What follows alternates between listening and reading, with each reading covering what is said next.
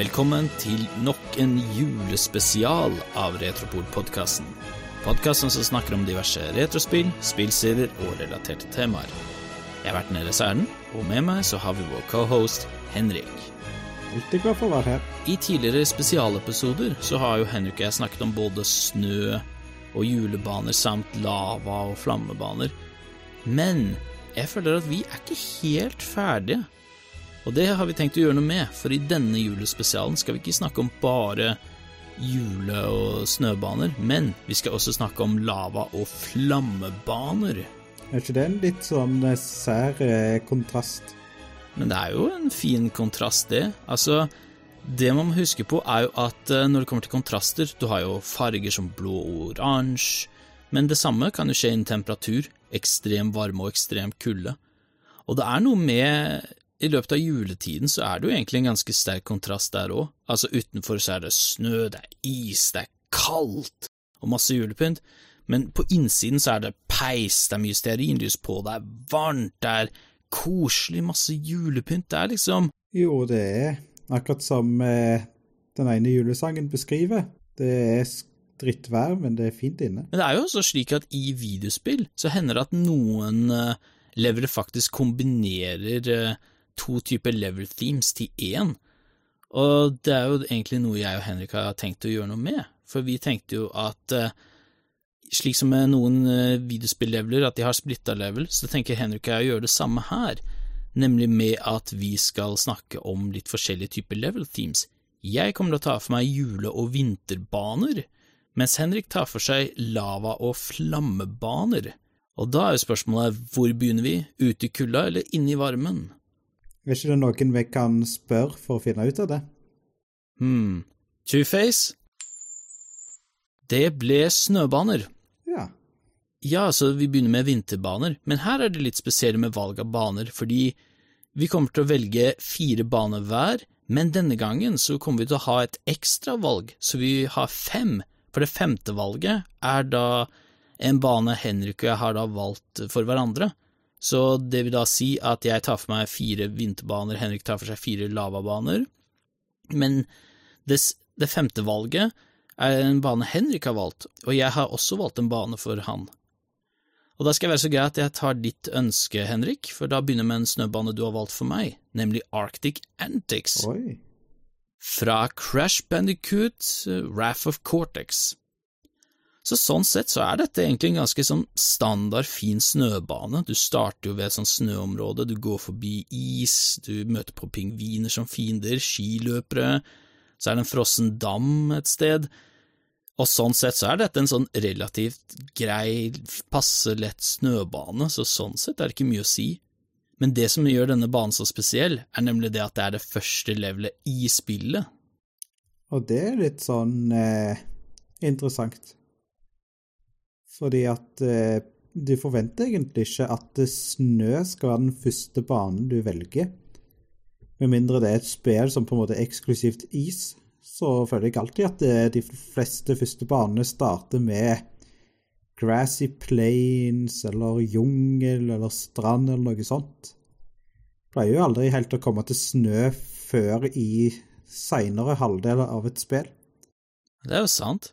Men til å være første level basert på snø, så er det litt sånn Ja, hva er det å si? Du lærer jo egentlig det du skal, eller hva, Henrik? Jo da, det er det som er så fint med denne banen. Den introduserer ekstremt mange forskjellige gimmicks som du kommer til å få bruk for å komme over igjen i resten av spillet. Det inkluderer da alt fra forskjellige kasser og de funksjonene de gjør, til en del elementer som både plattforming, det at du har forskjellige overflater som reagerer forskjellig, deriblant is, og kanskje den kuleste av tingene, en hemmelig vei som du kun kan komme til dersom du har klart å komme deg fram til dette punktet uten å ha dødd tidligere i banen. Mm. Og så musikken på den her er jo også ganske fin. Det, det er liksom en sånn derre passe god snølåt, egentlig. Du hører den, så er det sånn derre Ah, den her var kul. Og Det som er litt sånn rart det at hvis du ikke hadde Hvis du hadde hørt den uten å vite hvilken bane det var, og du ikke hadde spilt det fra før av, så er det ikke sikkert at du hadde tenkt på dette her som en snøbanemusikk. Men samtidig så bare passer det. Mm. Og vi kommer til å komme litt mer tilbake på det med musikk, fordi jeg bare tar det her og nå, og det er at musikk for uh, disse levelene har veldig mye å si.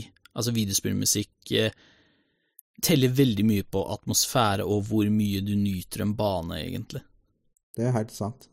Ja, Henrik, da er det din første lavabane, da. Ja, jeg tenkte altså starte litt forsiktig i et lite beskytta miljø, sånn at du ikke blir skada av flammen.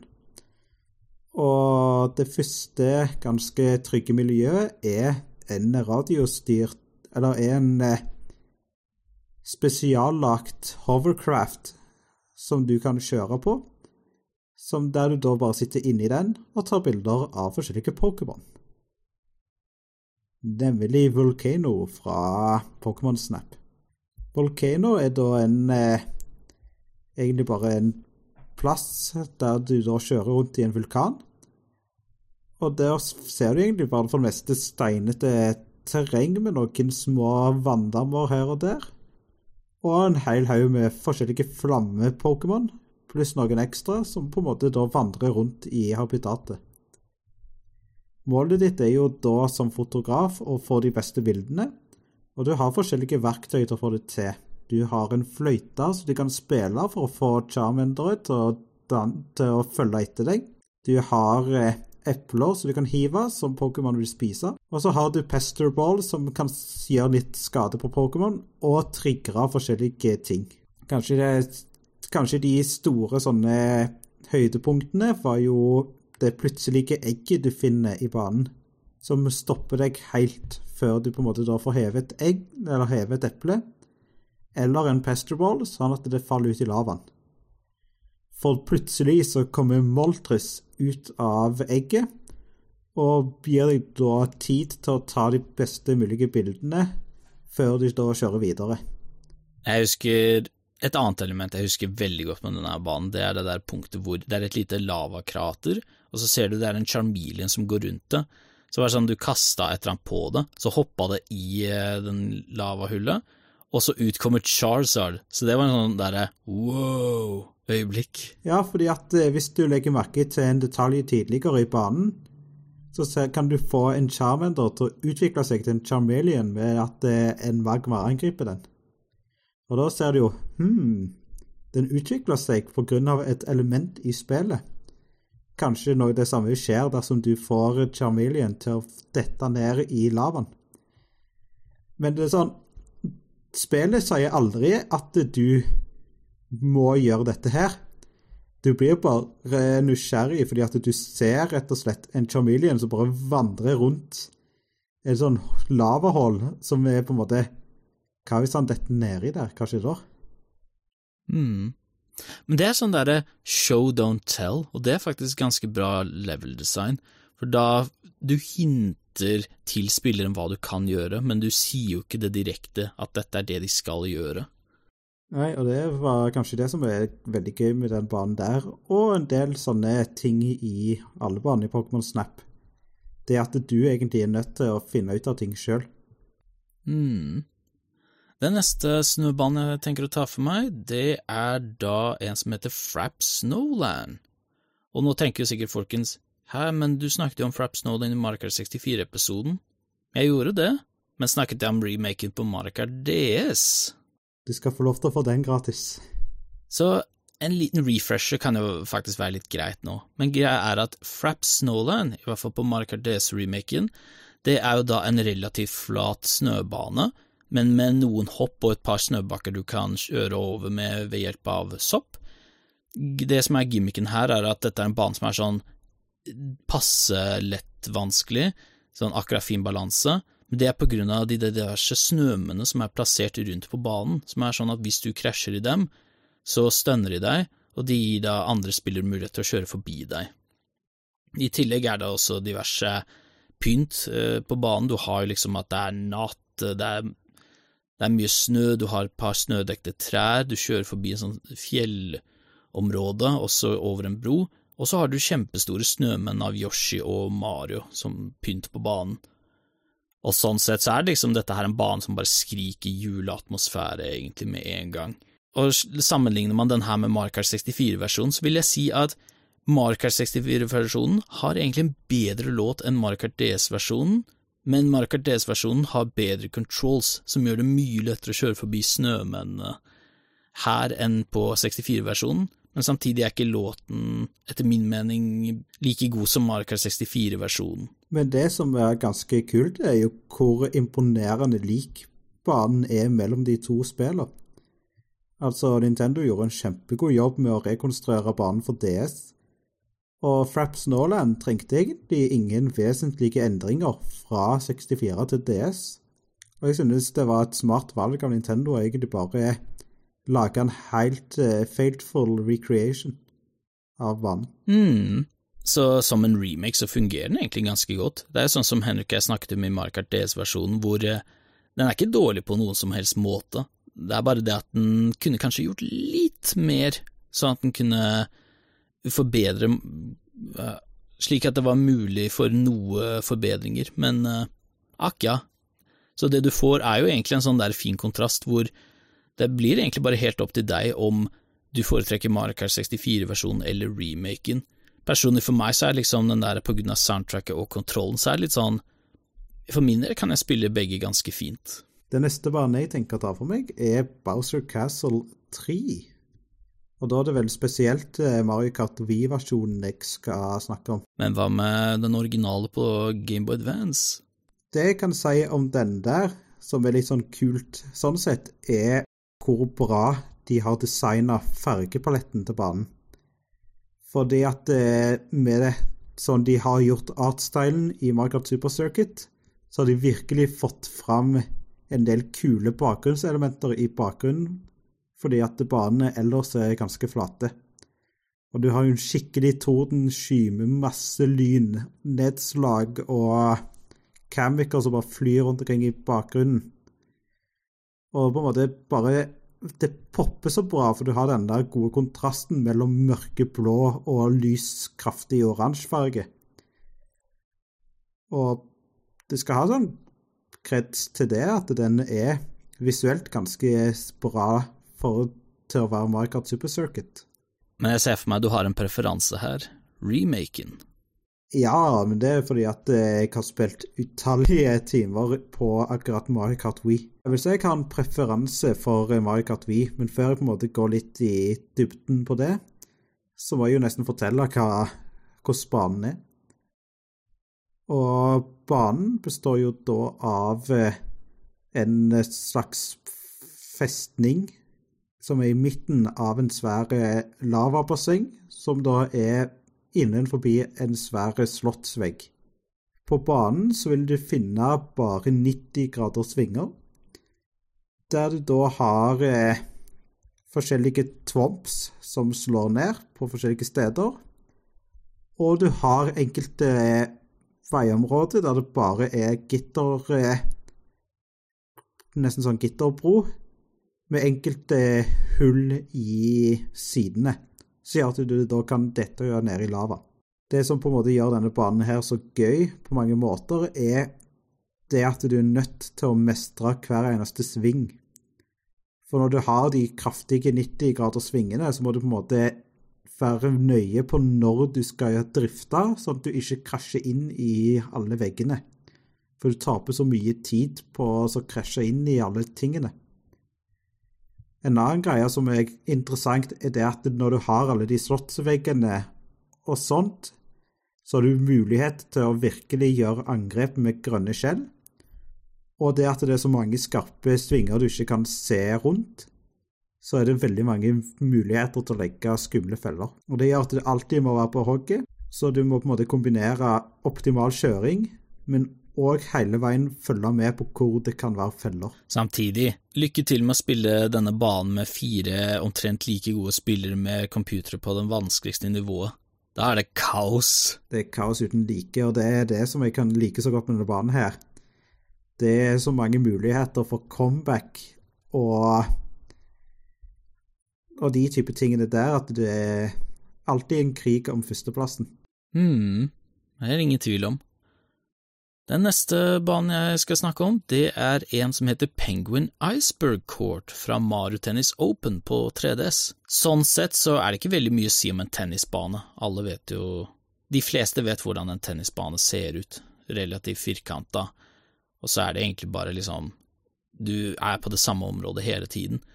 Men det som gjør det spesielt med Mario-spill, er jo at det er at eh, det har med atmosfæren på banen, pluss i Mario-spill når det er en viss level theme, så pleier det å være en gimmick med.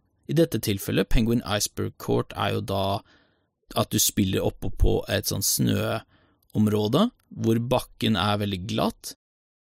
Så er det da diverse sånn julepynt, det er pingviner og ismotiv i bakgrunnen, pluss nordlyset oppå på himmelen.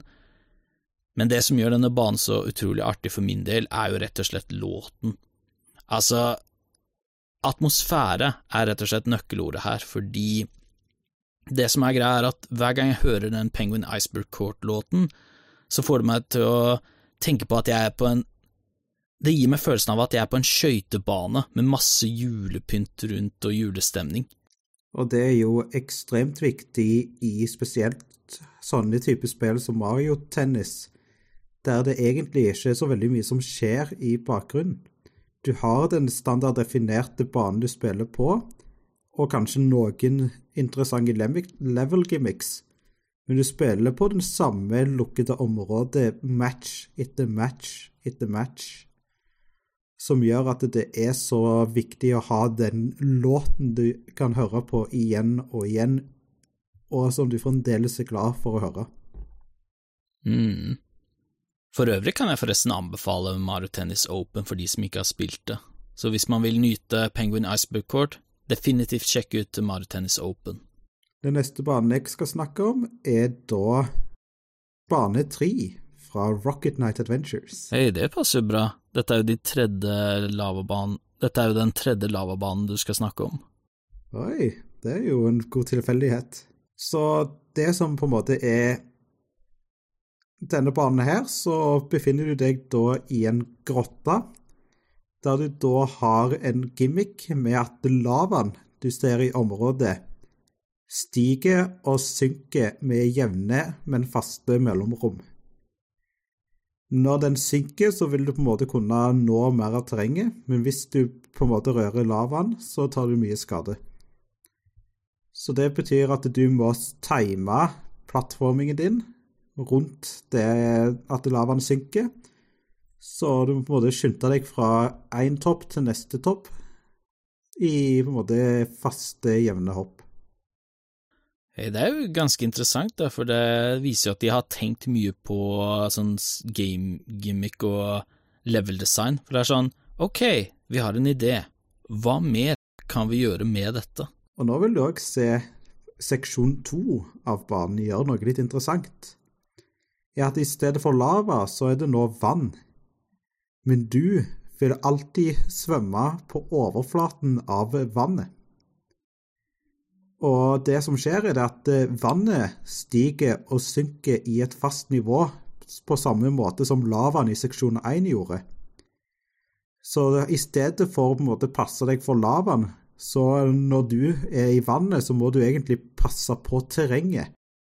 For du vil bare svømme i overflaten, så du må bare hele veien bevege deg høyre og venstre, sånn at du unngår å treffe terrenget som da er skarpt og hakkete og gjør mye skade dersom du treffer det. Mm. I seksjon tre av banen så finner du da en liten mekanisk robot på to bein med en liten plattform på toppen, så du kan hoppe oppå og stå. Roboten vandrer da plutselig ned i lavaen, men plattformen vil alltid være over lavaen så lenge du holder deg på. Når du er på denne her, så må du kunne angripe flaggermus, som vil prøve å slamme deg ut i lavaen. Og til slutt så vil da roboten gå på land. Men da vil du se at hvis du står oppå toppen av roboten, så vil du treffe et takkete terreng som gjør skade på deg. Så da må du hoppe av roboten, så hopper roboten plutselig ned i lava og på land, så du må hele veien hoppe av og på i jevne mellomrom, før du kommer til en boss, som da er en lava-robotfisk. Som da på en måte knuser terrenget der du står på, før nytt terreng dukker opp på andre siden, så du kan komme deg bort til. Nei, jeg liker egentlig, sånn som jeg nettopp nevnte i stad, at det liksom, de har tenkt mye på game gimmicks.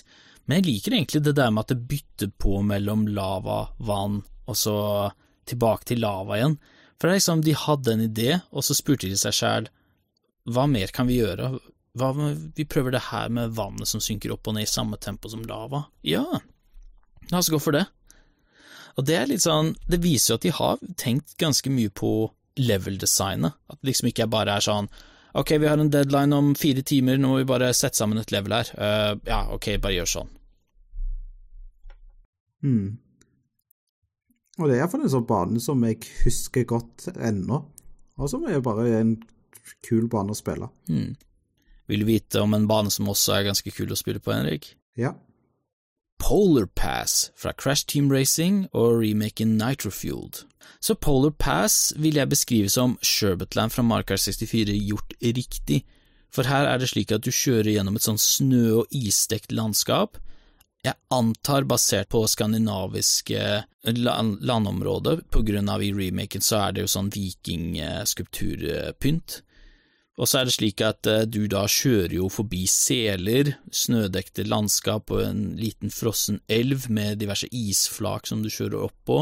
Så kjører du forbi en isgrotte, forbi seler igjen, og så er det forbi en skøytebane før du da kommer tilbake igjen i start. Det som er så spesielt med den her, er at den har et veldig bra sånn skill design. Den lener seg litt mer, hvis du slik som jeg beskrev Fraps Nolan, at den er passe lett, passe vanskelig, så føler jeg Polar Pass lener seg mer på den derre at den begynner å bli litt mer tricky, men samtidig er det utrolig tilfredsstillende å bli god på den her, for når du kan banen, spesielt den ene snarveien etter isgrotten, hvor du da, hvis du timer et hopp riktig, så kan du faktisk hoppe over, og hoppe over en liten bit av banen. Når du blir god på det, mm, da er det så utrolig gøy å spille på denne banen. Åh, jeg grøsser hver gang jeg er nødt til å komme til det punktet der, for eh, Erlend bare timer alt helt perfekt og hopper over den, mens jeg klarer ikke helt den samme timingen, og ender med å krasje i veggen og må kjøre omveien allikevel. Det er liksom sånn derre yeah! Bang! Det blir fort det. Og det er sånn eh, ergerlig, men jeg må bare bli bedre. Men det er også en annen grunn til at jeg liker denne banen her veldig godt. Ikke bare har den et bra design, men også en veldig god låt. Jeg vil beskrive det akkurat sånn som Diddy Kong Racings Walrus Co., fordi musikken minner meg også om et sånt der at du har et julegaveres mot julenissen. Det er bare noe med den låten som er så utrolig catchy og veldig julete, som bare får meg en sånn derre Nå er det et race, come on. Ja, ja, det er helt sånn eh, Det er passe blend av hjul, men samtidig som du har eh, det høyoktane med race i tillegg. Mm. Av eh, originale remakes så har jeg egentlig ingen preferanse. Jeg liker egentlig begge like godt. Jeg er vel litt mer fan av låten på den originale, men remaken har heldigvis det tilbudet med at du kan velge om du vil høre original- eller remake-soundtracket, så da får du egentlig det beste fra begge verdener, kan man si. Den neste banen jeg tenker å snakke om, er Bowsers Magma Mountain fra Mario Party. Hei, mitt julegaveønske, jo. Jepp. Dette er jo da et brett i Mario Party 1 som du låser opp etter en viss mengde med kriterier har blitt oppfylt. Og dette er jo da teknisk sett Bowsers hjemmebane. Det som er litt sånn, bare for å forklare hvordan den banen ser ut, har du noen gang spilt eh, stigespillet? Det har jeg. Det fungerer nesten sånn med det at eh, banen har en veldig svingete mønster, og du har forskjellige checkpunkt som kan føre deg høyere opp i banen, dersom du da klarer å slå det punktet, den ene steinskapningen som eh, blokkerer biten. Den som avgjør om eh, du vil gå den ene lange eller korte veien. Mm. Og det bestemmes jo med en eh, terning som skifter mellom stjerne stjerner og Bowser. Dersom du treffer stjerna, så vinner du. Og dersom du får Bowser, så må du gå omveien som på en måte tar lengre tid. Men det jeg husker veldig godt med denne banen, er hvor utrolig ondskapsfull den er. For det vil skje en event hvor eh, alle feltene blir plutselig røde spaces, som gjør at du mister mynter. For når du lander på happening-spacen, så blir det et vulkanutbrudd. Og det er det som gjør at alle feltene plutselig blir røde. Og da er det Da blir det mye vanskeligere å få stjerner eller råd til ting. Så det blir nesten et uh, level hvor Så det blir liksom en Mario Party-brett hvor Lykke til med å se coin-counten din gå opp til 50. Det skjer nesten ikke. Mm. Og så hvis du er så heldig at eh, du lander på en sånn blå Starspace, får et minigame, vinner ti mynter, så er det likevel sånn at de tre andre på rød får bash and cash, og du mister penger. Men er det ikke også et punkt hvor uh, du blir nesten tvunget bort til Bowser? Jo, det er når du kommer til toppen. For det finnes jo mange veier der de stigene fører til andre punkt i banen. Og det er ett stige som gjør at du kan gå og unngå å måtte konfrontere Bowser. Men da vil du ikke ha muligheten til å besøke Bø og kunne potensielt stjele stjernen. Og det er én plassering der at Toad befinner seg i den ene punktet der du er nødt til å velge mellom å gå mot Bø eller om du ender opp hos Bowser. Og det er alltid sånn nervepirrende, for straffen for å møte Bowser i dette brettet her er ganske brutal. Du mister en stjerne? Jepp. Dersom du har en stjerne, og du møter på Bowser, så vil du miste en stjerne. Hvis ikke, så vil du miste en stor sum med penger. Ouch. Jepp. Heldigvis er det jo mange måter du kan unngå å møte på han, men dersom du på en måte ønsker det sjansespillet med å komme til en bø, så må du allikevel være forberedt på at det kan gå skeis. Mm. Da har vi kommet til siste snøbane jeg har valgt å ta for meg, eller julevinterbane, hva du har lyst til å kalle det, og da har jeg valgt å ta for meg noe veldig stort. Kanskje en av de mest julete banene som fins. Det er nemlig Gingerbread Joyride fra Crash Team Racing Nitrofueled.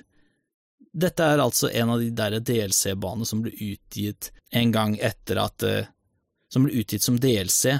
Så dette her er jo da en bane som kan minne litt om Sweet Sweet Canyon fra Mario Kart 8, hvis den var basert på jul, og ikke bare sånn typisk godteri.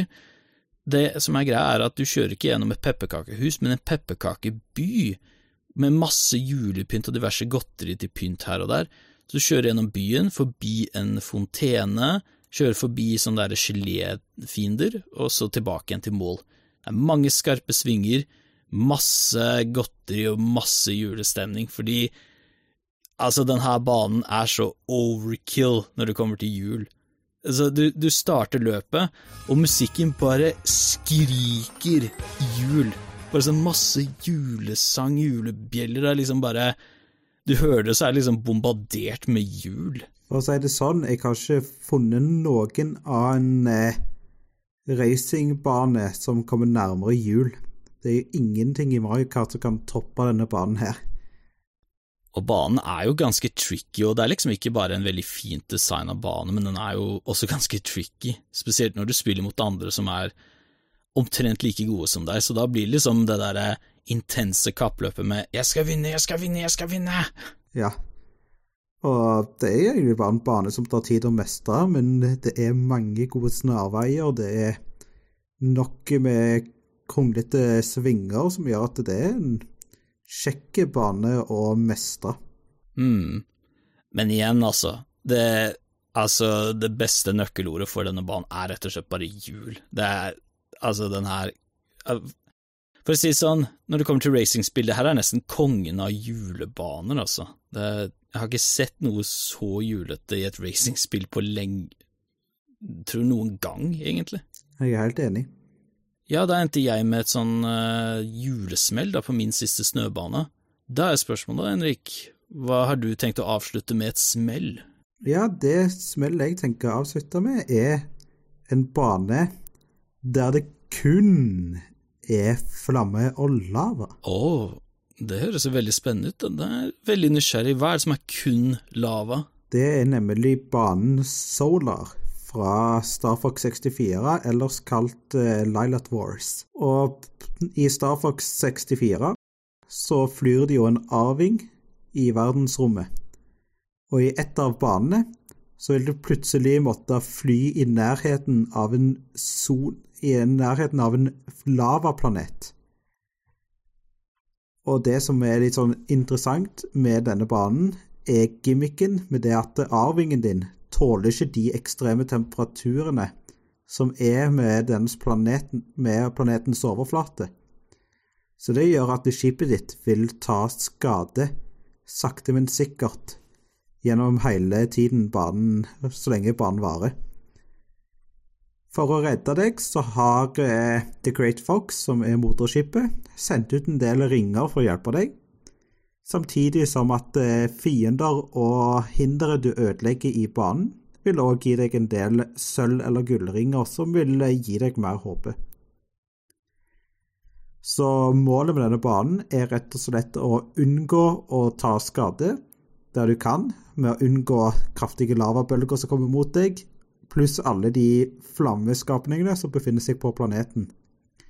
Samtidig som du vil gjøre ditt beste med å få tak i alle livsringene du ser rundt omkring, for å ha mest mulig håpe til enhver tid. Ok, dette her er ganske ekstremt, derfor for det er sånn, i de minste andre lavabaner så har du muligheten til å komme til et sånt trygt område hvor du ikke er i fare, men denne her banen virker jo på det ekstremnivået hvor kun lava, kun flammer, her er det ikke noe annet enn bare det.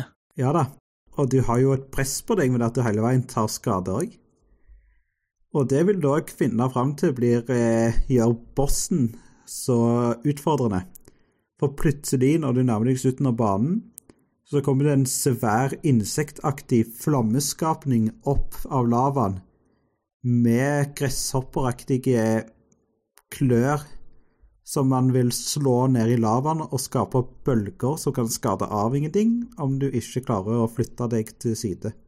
Det er veldig spesielt, da. Altså, jeg tror nøkkelordet for denne her banen er rett og slett lava. Jeg har ikke noe annet ord for det, egentlig. Ja, det er lava og stress og panikk. Og det er litt det der på en måte med at det er det der konstante presset som gjør at jeg husker denne her så veldig godt. For var det sånn en trikk i bane der du hele veien måtte være på toppen for i hele tatt lykkes, og spesielt med bosskampen der du måtte ta ut bossen før du før skipet ditt eksploderte pga. all varmen. Jeg kan skjønne at det er veldig intenst. Og med det, da er jo vår julespesial ferdig. Tusen hjertelig Vent.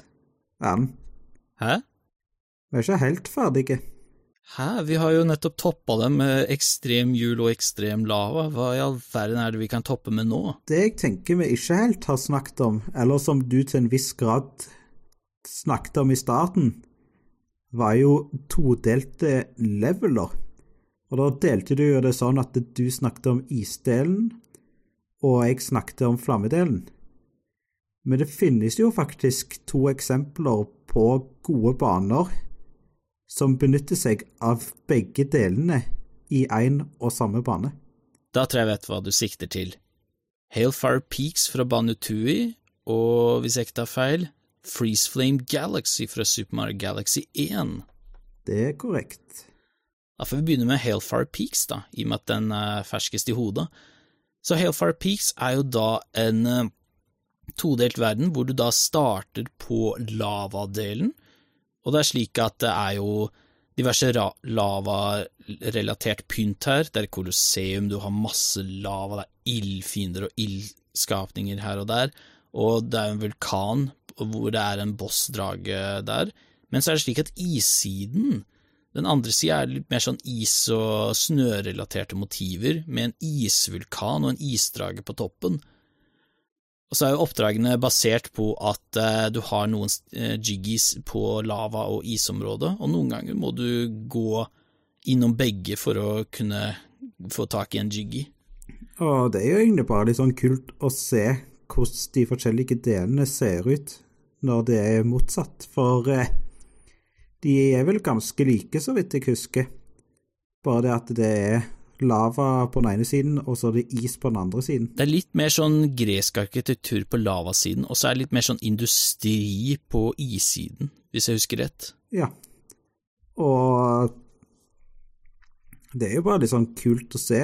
Og det som òg er en sånn kul touch, var jo det at eh, Grant Kirkhope lagde en catchy melodi som eh, endrer seg basert på om du er på lavasiden eller om du er på issiden.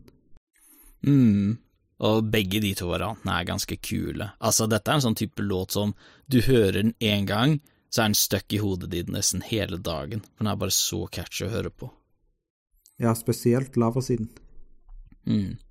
Men sånn sett, levelet er litt sånn både og på, fordi jeg liker å utforske og være på banen, men å få tak i jiggies her er litt sånn hit and miss, føler jeg. Så det er litt sånn Jeg vet ikke, jeg føler meg veldig sånn blanda på denne banen, sånn sett.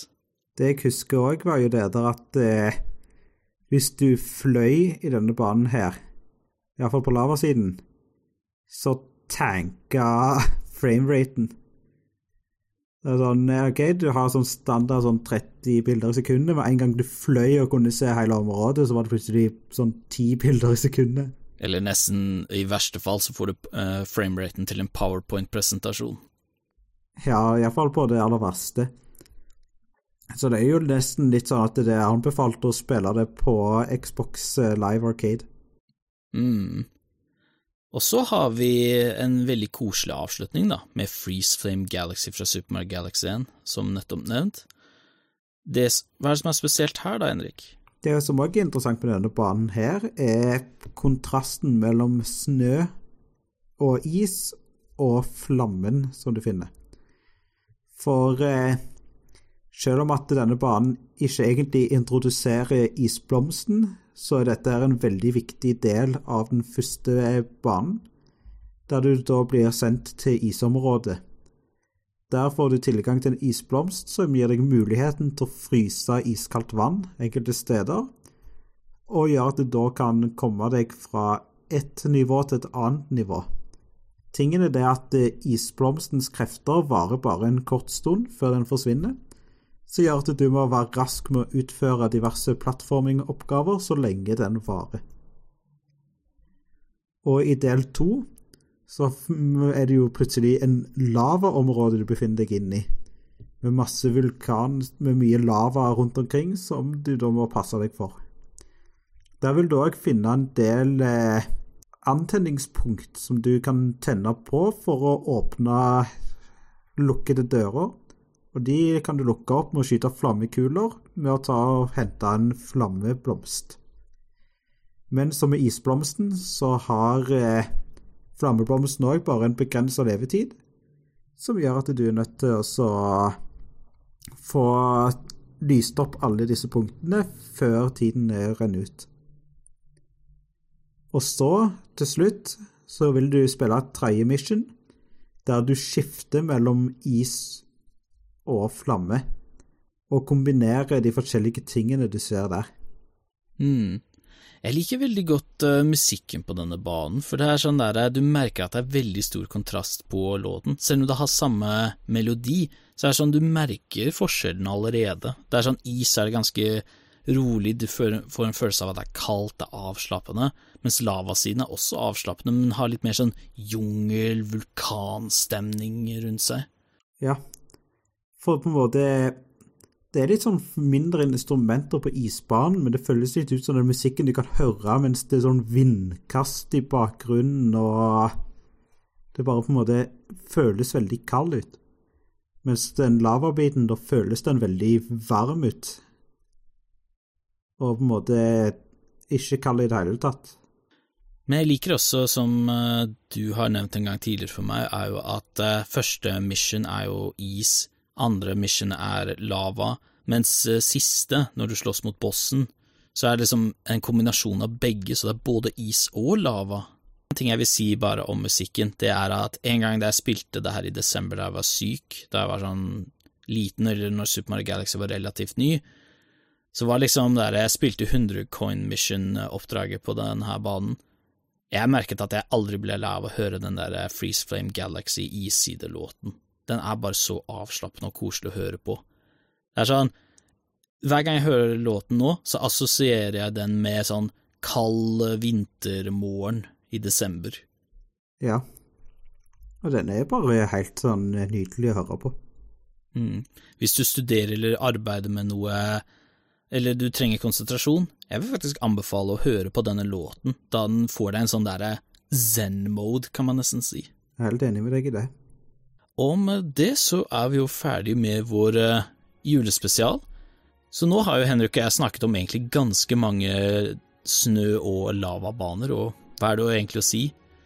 Jeg tror vi har valgt uh, å snakke om mange av de vi liker veldig godt. Ja da, det er jo en god sånn kontrastgreier som er litt sånn kult å snakke om.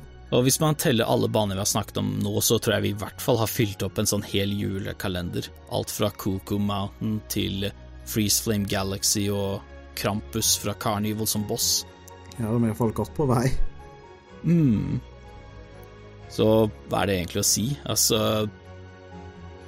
Følg oss gjerne på sosiale medier, f.eks. Twitter, at retropol64. Eller så kan dere sende oss en mail på retropol64 at protonmail.com. Og hvis du vil ha meg unnskyldt, Henrik, nå tror jeg skal gå og høre på litt Dean Martin og diverse juleplater for å få meg skikkelig julestemning. Så god jul og godt nyttår. Ha det bra. Yes, likeså.